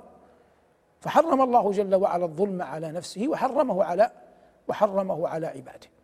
ثم قال جل وعلا وإذ قلنا للملائكة اسجدوا لآدم فسجدوا إلا إبليس كان من الجن ففسق عن أمر ربه أفتتخذونه وذريته أولياء من دوني وهم لكم عدو بئس للظالمين بدلا. وإذ قلنا للملائكة اسجدوا سجود تحية لا سجود عبادة. وهذا أحد خصائص خص الله بها أبانا آدم أن خلقه بيده ونفخ فيه من روحه وأسجد له ملائكته وعلمه الأسماء كلها. وإذ قلنا للملائكة اسجدوا لآدم فسجدوا إلا إبليس كان حاضرا في المنزلة وكان من علية من يغدو ويروح مع الملائكة. لصلاحه آنذاك لكن كبره وحسده أرداه. قال الله جل وعلا وإذ قلنا للملائكة اسجدوا لآدم فسجدوا إلا إبليس كان من الجن أي من أمة الجن ففسق أي خرج عن أمر ربه بأن امتنع عن السجود. أفتتخذونه وذريته أولياء من دوني؟ وهذا يدل على أن الجن يتناكحون بخلاف الملائكة فإنه لا يقع منهم تناسل ولا تناكح ولا تكاثر إنما يخلقون بأمر الله. أما الجن مثلهم في هذا الشأن مثل الإنس. يتناكحون ويتناسلون فيتكاثرون. قال الله جل وعلا إلا إبليس كان من الجن ففسق عن أمر ربه. أفتتخذونه وذريته أولياء من دوني؟ فسق عن أمري فكيف يتخذ وليا؟ بئس للظالمين بدلا. بئس عند النحاة فعل ماض جامد يقابله. هذا في المدح فهذا في الذم ويقابله في المدح نعم نعم قال الله جل وعلا بئس للظالمين بدلا. ثم أخبر الله جل وعلا أن لا سلطان لهؤلاء الشياطين حتى يعبدوا من دون الله. فقال جل وعلا ما أشهدتهم خلق السماوات والأرض وما هنا نافية. ما أشهدتهم خلق السماوات والأرض ولا خلق أنفسهم. أي ولم يشهد بعضهم خلق بعض. يفهم من هذا من حيث الجملة أنهم عبيد لله. شأنهم شأن سائر الخلق. عبيد لله شأنهم شأن سائر الخلق. فإذا كانوا عبيدا لله شأنهم شأن سائر الخلق لا يجي لا ينبغي أبدا أن يعبدوا مع الله تبارك وتعالى لا من دونه ولا معه. لأن الله جل وعلا خلق الخلق وهو مستغن عنهم ولم يشاركه جل وعلا في خلق خلقه أحد. ولهذا كان بعض الصالحين يقول اللهم إنك خلقتنا ولا أحد معك. فاغفر لنا فإنه لا يغفر الذنوب إلا أنت. فالله جل وعلا خلقنا وهو مستغن عنا ولم يشاركه في خلقنا أحد. تبارك اسمه وجل وجل ثناؤه. إلا إبليس كان من الجن وسق عن ربه. أفتتخذونه وذريته أولياء من دوني وهم لكم عدو. تبقى مسألة للثقات من العلماء. هو أن بعض أهل العلم يقول إن في هذه الآية دليل على أن إبليس من الملائكة. قالوا لأن الجن تأتي في معنى الملائكة. واحتجوا بقول الله جل وعلا وجعلوا بينه وبين الجنة نسبا ولقد علمت الجنة إنهم لمحضرون. فقالوا إن الملائكة إن العرب لم تنسب الجن إلى الله وإنما نسبت الملائكة إلى الله. قالوا الملائكة بنات الله تعالى الله عما يقول الظالمون علوا كبيرا. فقالوا إن معنى آية الصافات وجعلوا بينه وبين الجنة نسبا أي بينه وبين الملائكة. فالجن مدار الكلم والأحرف عنهم الاستتار والخفية وهذا متحقق في الملائكة. فقال بعضهم إن قول الله جل وعلا إلا إبليس كان من الجن يراد به كان من الملائكة. لكن الأصل حمل ألفاظ القرآن على ظاهرها وإبقاء الأمر على ما هو عليه والصواب إن شاء الله أن الأمر كما قال الحسن البصري رحمه الله ما كان إبليس من الجن ما كان إبليس من الملائكة طرفة عين. ما كان إبليس من الملائكة طرفة عين. وقد استدل على أن الله جل وعلا قال في حق ملائكته لا يعصون الله ما أمرهم ويفعلون ما يؤمرون. وهذا عصى ربه بنص القرآن وبنص وبنص السنة. أما قول الله جل وعلا أخرج منها أي من المنزلة العالية التي كان عليها إبليس قبل أن ينتهي عن السجود لآدم. قال الله تبارك وتعالى في سورة الكهف هذه الآيات المباركات ليبين لنا جل وعلا الطريق الأمثل والسبيل الأقوم إلى رضوانه وأنه وإن فطر قلوب فطر قلوبنا على حب الزينة من الأموال والأولاد فإنه جل وعلا بين أن الذي ينفع بحق الإيمان به تبارك اسمه وجل ثناؤه مع العمل الصالح الذي به يسود العبد عند ربه تبارك وتعالى. وفي الحديث أن النبي صلى الله عليه وسلم قال إن الرجل لا يسعى في مرضاة الله فيقول الله لجبريل إن فلانا يسعى ليرضيني. أشهدكم أو يقول جل وعلا فرحمتي على فلان. فيقول جبرائيل رحمة الله على فلان. فتقول حملة العرش رحمة الله على فلان. فيقول خزنة السماوات والملائكة رحمة الله على فلان ثم يكتب له القبول في الأرض.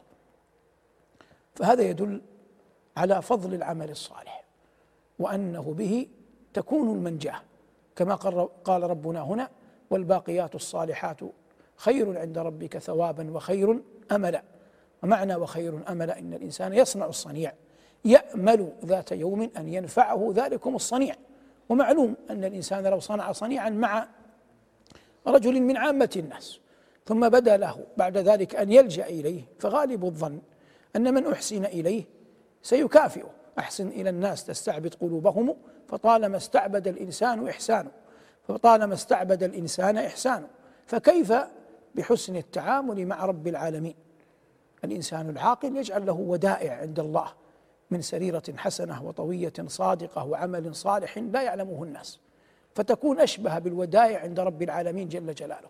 فإذا قام الأشهاد وحشر العباد كانت هذه الأعمال نفعا له عند الله.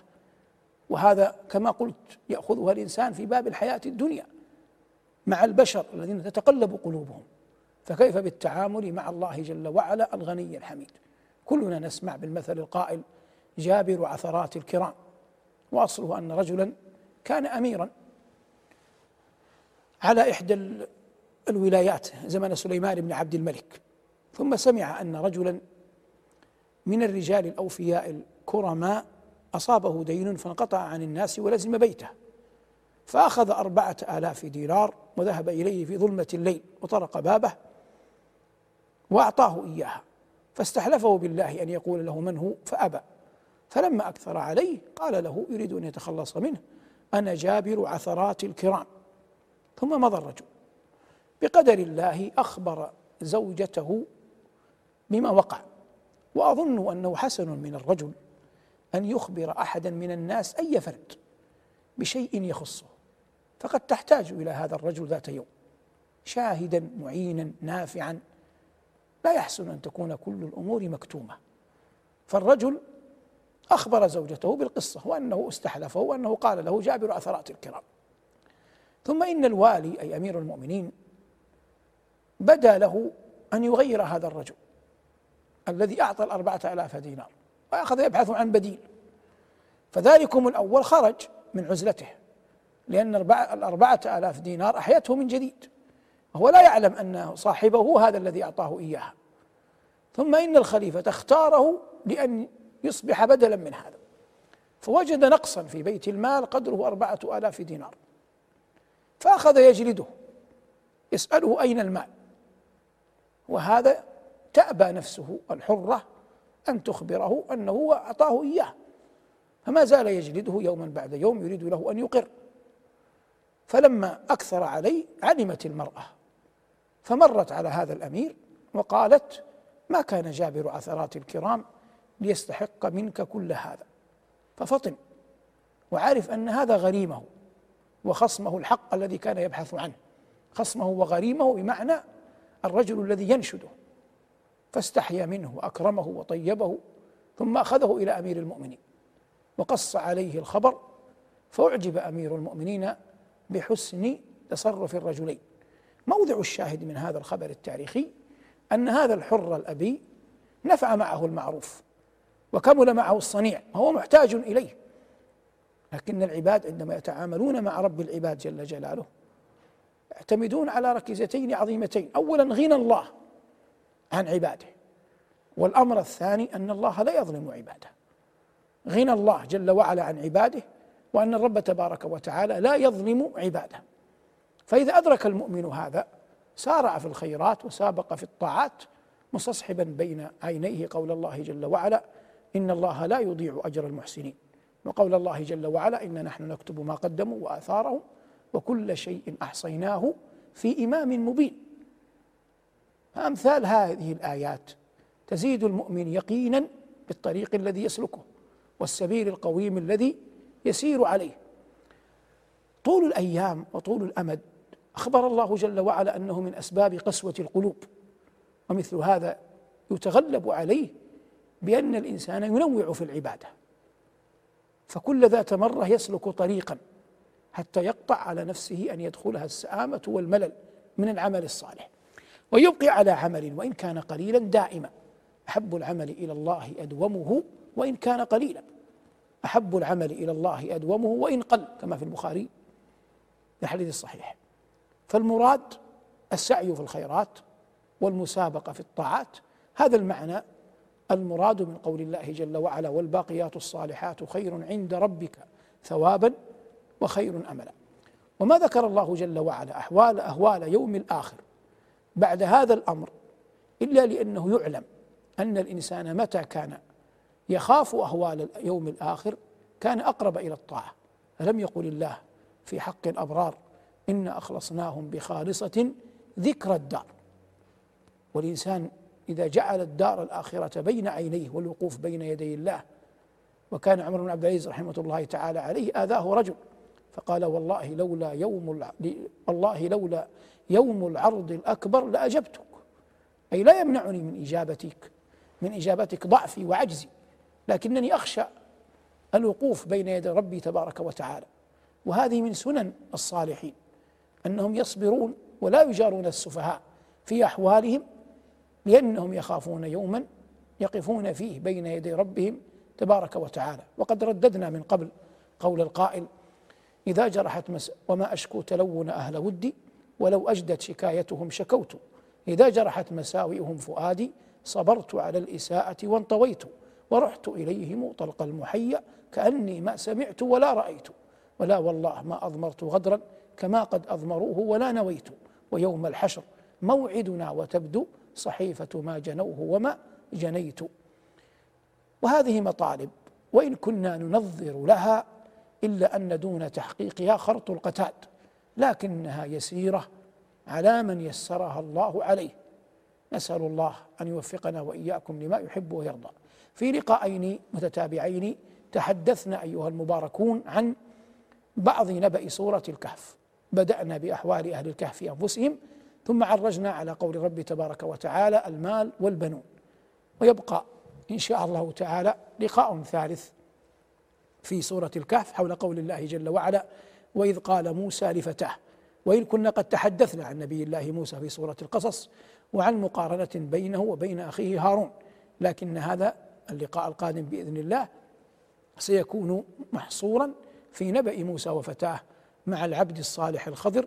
قال الله جل وعلا وإذ قال موسى لفتاه لا أبرح حتى أبلغ مجمع البحرين أو أمضي حقبا وفقني الله وإياكم لما يحب ويرضى وألبسني الله وإياكم لباسي العافية والتقوى وصلى الله على محمد وآله والحمد لله رب العالمين. والسلام عليكم ورحمة الله وبركاته. الرحمن الرحيم. الحمد لله على فضله والصلاة والسلام على خير خلقه وأشرف رسله. وبعد أيها المباركون هنا نأتي للقاء الثالث من برنامجنا روح المعاني وأقصد باللقاء الثالث حول سورة الكهف. وقد مضى الحديث في حلقتين سابقتين عن بعض الفوائد من هذه السورة المباركة. في هذا اللقاء كنا قد أخبرنا في اللقاء السابق أننا سنقف عند قول الله جل وعلا وإذ قال موسى لفتاه لا أبرح حتى أبلغ مجمع البحرين أو أمضي حقبا موسى هنا هو كلم الله وصفيه موسى بن عمران وفتاه هو يوشع بن نون. والأصل في المسألة ما جاء في البخاري من حديث ابن عباس رضي الله تعالى عنهما أن موسى عليه السلام قام خطيبا في بني إسرائيل. حتى إذا خشعت القلوب وذرفت العيون تبعه رجل. فقال يا نبي الله هل أحد في الأرض أعلم منك؟ فنسي موسى أن يرد العلم إلى الله. قال لا. فعاتبه ربه وأوحى إليه أن لي عبدا هو أعلم منك. فقال أي رب وأين لي به؟ فأمره الله جل وعلا أن يأخذ حوتا في مكتل فحيثما فقد الحوت فهو ثم. فأخذ موسى عليه الصلاة والسلام حوتا في مكتل ليكون طعاما له وأخذ يوشع بن نون فتاه ليخدمه. يفهم من هذا أمور. أولها الرحلة إلى طلب العلم وهذه يتكلم الناس عنها كثيرا. وقد سافر جابر بن سمر رضي الله تعالى جابر بن عبد الله رضي الله تعالى عنه مسيرة شهر ليطلب حديثا من أحد الصحابة. وقضى أكثر علماء المسلمين حياتهم في الترحال في طلب العلم. لكن العبرة بعد ذلك بالعمل به فبادره وخذ بالجد فيه فإن آتاكه الله انتفعت فإن أوتيت فيه طويل باع وقال الناس إنك قد رأست فلا تأمن سؤال الله عنه بتوبيخ علمت فهل عملت. كذلك يستفاد أن موسى عليه السلام وهو الكليم الصفي ومعه يوشع بن نون أخذ حوتا في مكتل ليكون طعاما له. وفي هذا رد على من يزعم أن الإنسان لا ينبغي أن يصنع له أن يصنع هذا مما يقوله بعض غلاة الصوفية عفى الله عنا وعنهم. فإن هذا لا ينبغي أن يكون ويقول بعضهم جنون منك أن تسعى لرزق ويرزق في غياهبه الجنين. جنون منك أن تسعى لرزق ويرزق في غياهبه الجنون ويرزق في غياهبه الجنين وهذا غير صواب. فإن النبي صلى الله عليه وسلم سعى في رزقه وقبله كذلك الأنبياء وما زال الأخيار من الأمة المقتدى بهم يصنعون هذا. كذلك أنه غالب الظن أن يحتاج الرجل العاقل اللبيب ذو كثرة الأسفار إلى فتى يخدمه. وكان هذا من دأب النبي صلى الله عليه وسلم فقد مر معنا أن زيد بن حارثة كان رفيقه إلى الطائف. وهنا يخبر الله جل وعلا عن يوشع بن نون وكيف أنه كان مع موسى عليه السلام فتى له يخدمه في سفره إلى رحلة طلب العلم. قال الله جل وعلا وإذ قال موسى لفتاه لا أبرح حتى أبلغ مجمع البحرين أو أمضي حقبا فمضى عليه السلام ويظهر أن هذا في الحقبة التي كان فيها موسى وبني إسرائيل في أرض التيه. قال الله جل وعلا فلما بلغ مجمع بينهما نسي حوتهما فاتخذ سبيله في البحر سربا أي أن الحوت خرج من المكتل ونزع إلى الماء فضرب عليه مثل الطاق. قال الله جل وعلا فلما بلغ مجمع فلما بلغ مجمع بينهما نسي حوتهما واتخذ سبيله في البحر سربا. فلما جاوز أي هذا المكان الذي خرج منه الحوت إلى المكتل فلما جاوز قال لفتاه أي قال موسى ليوشع آتنا غداءنا. فالأنبياء يبقون بشرا يجوعون ولا يقلل هذا من مكانتهم. قال الله جل وعلا أنه قال لفتاه آتنا غداءنا لقد لقينا من سفرنا هذا نصبا. فكثرة السفر ينجم عنها كثرة التعب وعبر موسى عن هذا بالنصب. وقد قيل وهذا من أجمل ما قيل قيل إن البنات هم ولو مريم والدين غم ولو درهم وال والسفر والغربة هم ولو ميل والسؤال ذل ذل ولو أين السبيل؟ السؤال ذل ولو أين السبيل؟ تسأل أحد وين الطريق؟ والغربة هم وغم ولو ميل والبنات هم ولو مريم والدين غم ولو درهم. طبعا هذه تتفاوت فيما بينها. لكن هذا من جميل القول الذي يحفظ ومن بدائع الحكم التي تفهم. قال الله جل وعلا فلما جاوز قال لفتاه آتنا غداءنا لقد لقينا من سفرنا هذا نصبا. قال أرأيت؟ أتذكر؟ إذ أوينا إلى الصخرة فإني نسيت الحوت. ما معنى فإني نسيت الحوت؟ لم أنسى الحوت أضعه في مكانه ليس هذا المقصود. المقصود أنني نسيت أن أخبرك بأمر الحوت. فإني نسيت الحوت وما أنسانيه إلا الشيطان أن أذكره. وأخبر أن هذا كان عجبا يراه بين عينيه ففطن موسى للأمر. قال ذلك ما كنا نبغ. فارتد أي رجع. فمتى تبين لك أنك في طريق خطأ فلا تثريب عليك ولا ملام أن تعود. قال عمر رضي الله تعالى عنه لأبي موسى في كتابه الشهير واعلم أن الحق قديم فلا يمنعنك قضاء قضيته بالأمس فراجعت فيه نفسك وهديت فيه لرشدك. أن ترجع عنه إلى الحق فإن الحق قديم وإن الرجوع إلى الحق خير من التمادي في الباطل. فهذا نبي الله وتكلف سفرا فلما تبين له أنه أخطأ وأنه يمشي على غير ما يريد قال أصدق القائلين فارتد أي رجع. كيف ارتد؟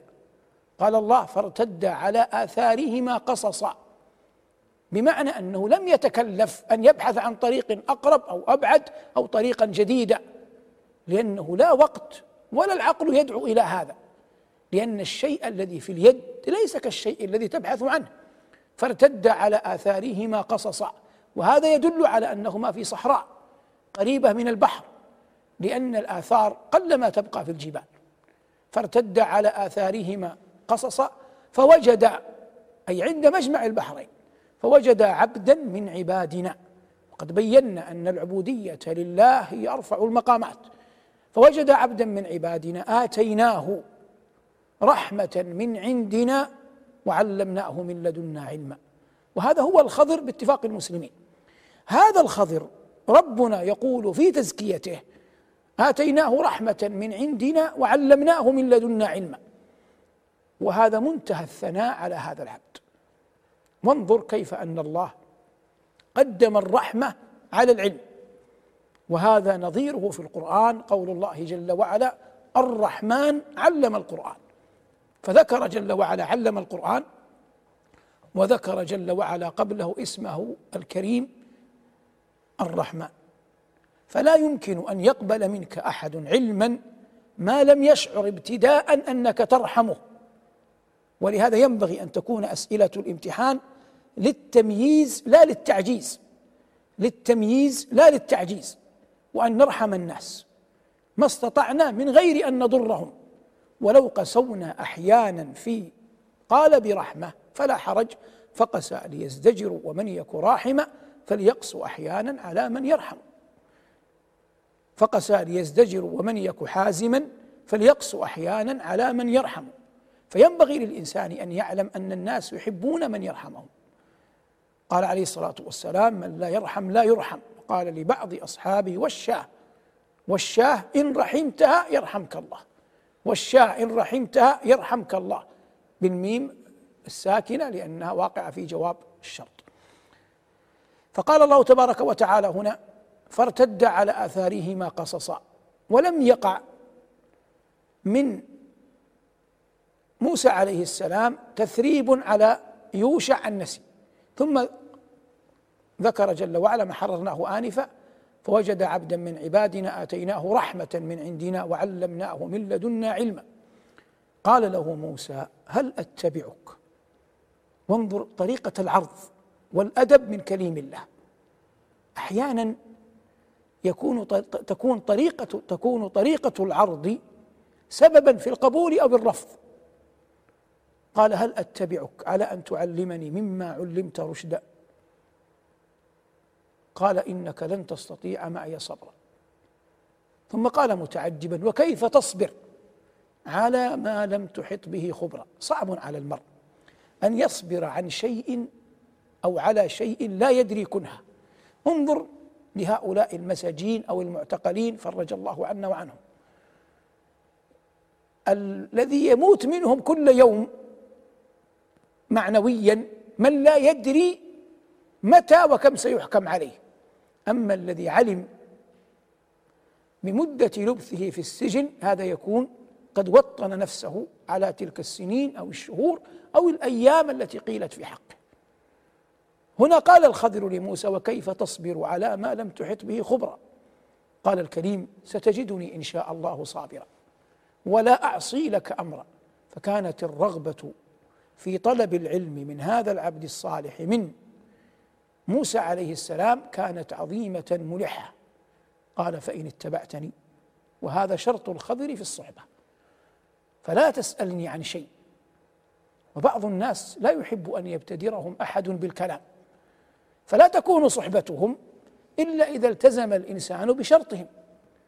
فقال الله جل وعلا هنا قال فإن اتبعتني فلا تسألني عن شيء حتى أحدث لك منه ذكرا. دعني أنا الذي أبدأ. دعني أنا الذي أقول لك. دعني أنا الذي أفاتحك.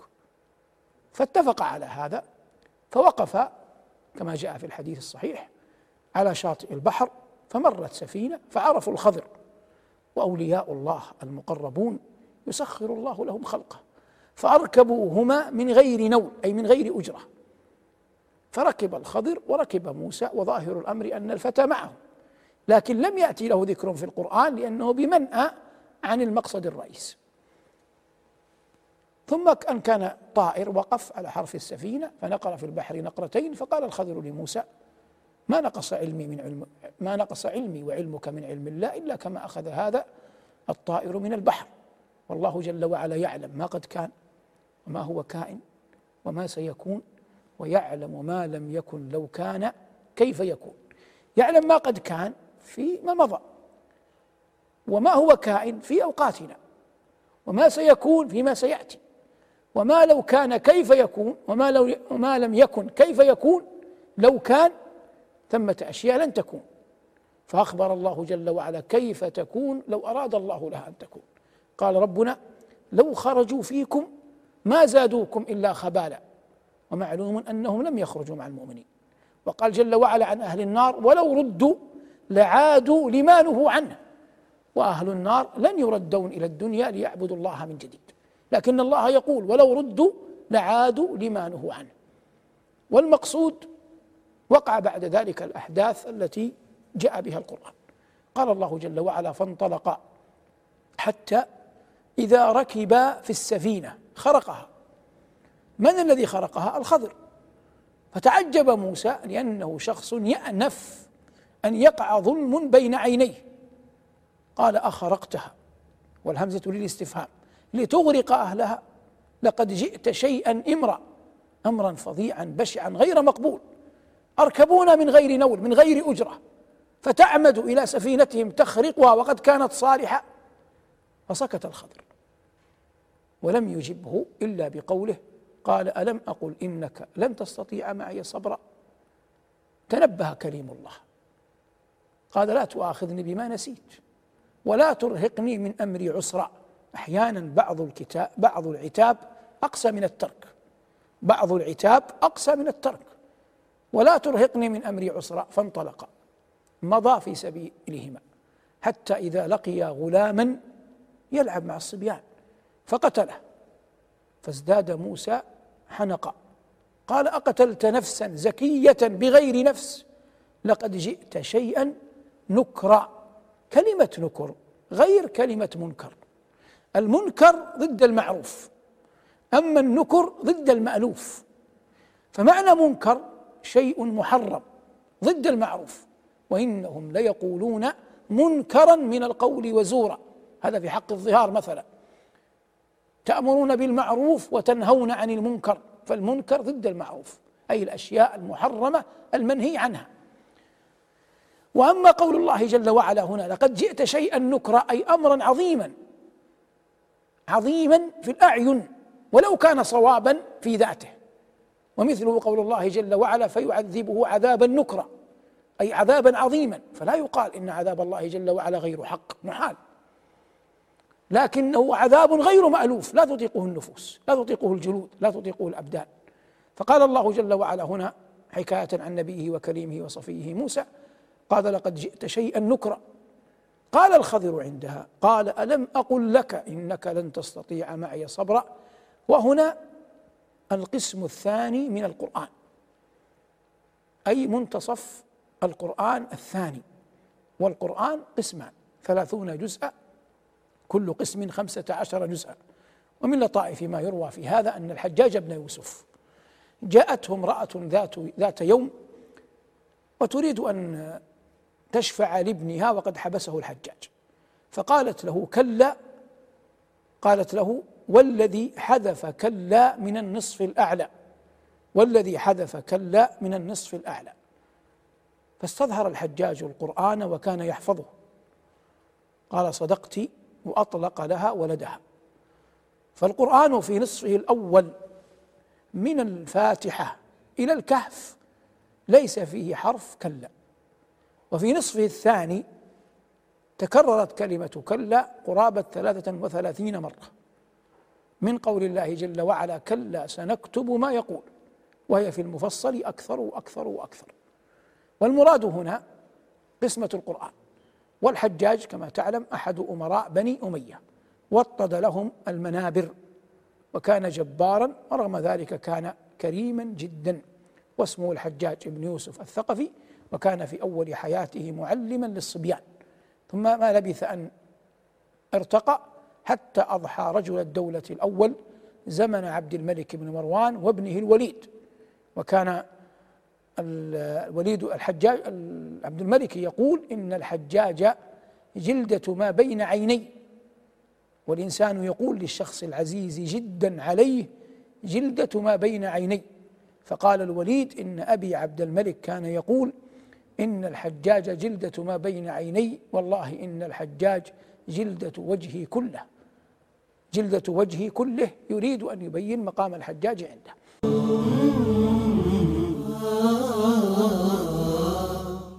نعود للآية. قال الله جل وعلا قال ألم أقل لك إنك لن تستطيع معي صبرا. هنا كأن نبي الله أحب أن يقطع الأمر. قال إن سألتك عن شيء بعدها أي بعد الذي قد مضى مني فلا تصاحبني. أي أنت في حل أن تبقيني معك. قد بلغت من لدني عذرا.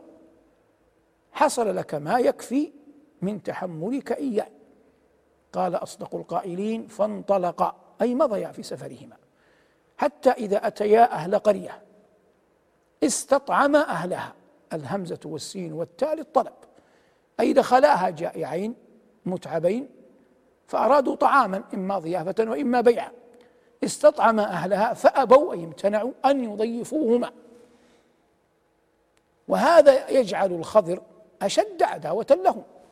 لكن موسى يفاجأ أن الخضر يعمد إلى هذه القرية اللئام أهلها فيعمد إلى جدار يريد أن ينقض فيقيمه. قال الله جل وعلا فوجد فيها جدارا يريد أن ينقض فأقامه. أي كاد أن يسقط فأقامه الخضر. فازداد موسى عجبا وقال معترضا على الخضر لو شئت قال لو شئت لاتخذت عليه أجرا. لا بأس أن تبنيه لا بأس أن تقيمه لكن على الأقل مقابل مال. نريد أن نأكل نريد أن نطعم. ما دام لا يفقهون الضيافة. وفي هذا فوائد عدة. منها وقد مر معنا شيء من هذا في خبر يوسف أن الإنسان قد يبتلى بمن لا يعرف قدره. وإن رددت فما في الرد منقصة قد رد موسى قبل والخضر. وليس هذا دعوة للإكداء كما قال صاحب المقامات. لكن المقصود أن الإنسان ينبغي أن يعلم أن قد يبتلى بقوم لا يعرفون له قدرا. فهذا كليم الله وهذا عبد صالح وهؤلاء أبوا أن يضيفوهما امتنعوا على أن يكرموهما. فقال الله جل وعلا لو شئت لاتخذت عليه أجرا. الأمر الفائدة الثانية فيها أن المسلمون أن المسلمين على شروطهم. ويأتي هذا بعده قال الخضر لموسى قال هذا فراق بيني وبينك. فلا غضاضة ولا تثريب على من لم توفي له بالشرط أن يحل العقد الذي بينك وبينه. قال هذا فراق بيني وبينك. ساء همزة للسين المستقبل القريب.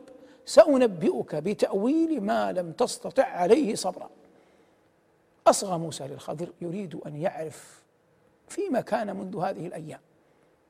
وبدأ الخضر يفصل وبدأ بأما وهي للتفصيل. قال أما السفينة هي القضية الأولى بيني وبينك. أما السفينة فكانت لمساكين سماهم مساكين مع أنه أسند ملك السفينة إليهم. ففهمنا أن المسكين قد يملك شيئا لكن ربما ضاق دخله عن قوته ضاق دخله عن قوته. أما السفينة فكانت لمساكين يعملون في البحر. وحسن من المرء أن يأكل من صنع يده. يعملون في البحر فأردت أن أعيبها. فنسب صنع العيب إلى نفسه أدبا مع ربه. فأردت أن أعيبها وكان وراءهم أي أمامهم. وتأتي وراء في القرآن بمعنى أمام. قال الله جل وعلا ومن ورائهم برزخ إلى يوم يبعثون ومعلوم أن البرزخ أمام الرجل في مستقبل أيامه. قال الله جل وعلا وكان وراءهم ملك يأخذ كل سفينة غصبا. ومعنى القضية كلها أن الدين قائم على جلب أعظم المصلحتين ودرء أعظم المفسدتين. لكن يبتلى تبتلى الأمة في بعض أزمنتها بفقهاء لا يستحقون هذا الاسم ولا أن يتقلدوا ذلك الوشاح. فلا يفقه مسألة دفع أعظم المفسدتين وجلب أعظم المصلحتين وإن كان كل يدعيها لكن حال التطبيق يقل والعاقل ينبغي أن يعلم فقه الأولويات فقه المصالح فقه المفاسد. يقولون ذكر الذهبي هذا في الأعلام أن رجاء بن حيوة كان جالسا ذات يوم وهو وزير لسليمان بن عبد الملك مع رفقة له فتذاكروا نعم الله فجاء رجل يلبس بردا فاطلع عليهم فقالوا لا أحد يستطيع أن يكافئ نعم الله. فقال الرجل ولا أمير المؤمنين. فقالوا بصوت واحد ولا أمير المؤمنين. فذهب الرجل فقال رجاء وهو المجرب الفطن اتيتم من قبل صاحب هذا البرد. ثم إن صاحب هذا البرد أي هذا الرجل ذهب إلى سليمان وأخبره. فاستدعى سليمان رجاء. فقال له يا رجاء يقدح في أمير المؤمنين وأنت تسمع؟ قال يا أمير المؤمنين والله ما كان ذلك. قال لم تجلس أنت وفلان وفلان وفلان في يوم كذا في مجلس كذا وقلتم كذا وكذا. قال ما كان ذلك يا أمير المؤمنين. فاستحلفه قال سليمان الله يا رجاء ما كان ذلك؟ قال والله يا أمير المؤمنين ما كان ذلك. لما حلف رجاء فهم سليمان أن الرجل كاذب. لأن رجاء مع يمينه أصدق عند سليمان من الرجل فعمد إلى الرجل فجلده. فمر رجاء على الرجل بعد أن جلد والدم ينزف منه. فالرجل يشتاط غضبا ويقول لرجاء ويقولون رجاء بن حيوة يعني على أي شيء يمدحك الناس؟ على أي شيء يرون أنك تقي على أي شيء يرونك أنك عبد صالح؟ ويقولون رجاء بن حيوة؟ قال يا ابن أخي نعم. ويقولون رجاء بن حيوة. أصوات عدة في ظهرك ولا ضرب رقاب رجال من المسلمين. لأن هذا أي سليمان ذو بطش ذو جبروت. لا يشاور أحدا ولا يبالي. لو فهم فهما سيئا عن كلامنا قتلنا جميعا. فوالله لأن تحفظ رقبتي ورقبة من معي من المسلمين ممن ينفع الله بهم خير وأهون من يمين أستغفر الله منها هذا المعنى ومن أصوات في ظهرك جراء أنك أنت الذي ذهبت إليه بقدميك وأخبرته الخبر. فهذا من فقه المصالح ودرء المفاسد ومعرفة كيف يقول الإنسان الكلم ويحتاط لنفسه ويحفظ من يعول ويقوم بشؤون الأمة. لا أن ترمى الأمة في المهالك بحجة أنه يراد رفعة رفعة الدين. والمقصود قال أما السفينة فكانت لمساكين يعملون في البحر فأردت أن أعيبها وكان وراءهم ملك يأخذ كل سفينة غصبا. الآن فرغنا من مسألة السفينة. وأما الغلام الذي لمتني على أنني قتلته فكان أبواه والتثنية بحسب أن الأب هو الذكر فيقال في حق الأب والأم أبوان. كما قال ربنا جل وعلا كما أخرج أبويكم من الجنة. والمراد آدم وحواء. ويقال المكتان ويراد مكة والمدينة. ويقال العمران ويراد أبو بكر وعمر. ويقال الحسنان ويراد الحسن والحسين. وهذا كثير في اللغة. قال الله جل وعلا هنا وأما الغلام فكان أبواه مؤمنين فخشينا أن يرهقهما طغيانا وكفرا فأردنا أن يبدلهما ربهما خيرا منه زكاه وأقرب رحما ما المعنى؟ لأن يفقد الوالدان. ابنهما مع بقاء الدين خير من بقاء الابن مع ذهاب الدين. فيصبح آخر معقل لنا ديننا. فيصبح آخر معقل لنا ديننا. خبر يصبح. يحتاط المؤمن يجعل دينه آخر شيء. ما بعده إلا الموت. فقال هنا لأن يبقيا مدة من الدهر يحزنان فيها على ذهاب الإبن. خير من أن يعمر هذا الإبن ويكون في بلوغه وحياته معهما ذهاب لدينهما. وأما الغلام فكان أبواه مؤمنين فخشينا أن يرهقهما طغيانا وكفرا فأردنا أن يبدلهما ربهما خيرا منه زكاة وأقرب رحمة. وقد قيل إن الله جل وعلا رزقهما بعد ذلك خيرا منه زكاة وأقرب رحمة. الآن فرق فرغ الخضر من بيان قصة من؟ قصة الغلام. بقيت الثالثة. قال واما الجدار فكان لغلامين يتيمين في المدينة. اليتيم من فقد أباه من الإنس قبل البلوغ ومن الطير من فقد أباه وأمه ومن سائر الدواب من فقد أمه. وأما الجدار فكان لغلامين يتيمين في المدينة. وهذا يدل على أن المدينة في القرآن يقال لها قرية وأن القرية في القرآن يقال لها مدينة. بدليل أن الله جل وعلا قال فأتوا أهل قرية. ثم قال وأما الجدار فكان لغلامين في المدينة. وكان تحته أي تحت الجدار كنز لهما فسماه الله جل وعلا كنزا. وقال بعدها وكان أبوهما صالحا. فصلاح الأب لو لم يكن سببا في حفظ مال اليتيمين لما كان لذكره معنى. وقد مر معنا أنه ينبغي أن يعلم أنه لا تنافي ما بين الصلاح في النفس وما بين أن يدخر الإنسان لنفسه ولأهله ولولده من بعده ما ينفعهم ويغنيهم عن الناس. فقال واما الجدار فكان لغلامين يتيمين في المدينة وكان تحته كنز لهما وكان أبوهما صالحا. خير ما يدخره الأب لأبنائه العمل الصالح. وقد ذكروا أن محمد محمدا ابن كعب القرظي هذا من بني قريظة. أبوه كان لم يحتلم بعد وقت أن قتل النبي صلى الله عليه وسلم رجال بني قريظة. ثم بقي مأسورا ثم أسلم. ثم كان منه محمد هذا الذي عد من علماء التفسير. جاءته مرة جاءته مرة عطية منحة فتصدق بها. فقال له بعض الناس يا إمام لو جعلتها في ولدك لكان أفضل.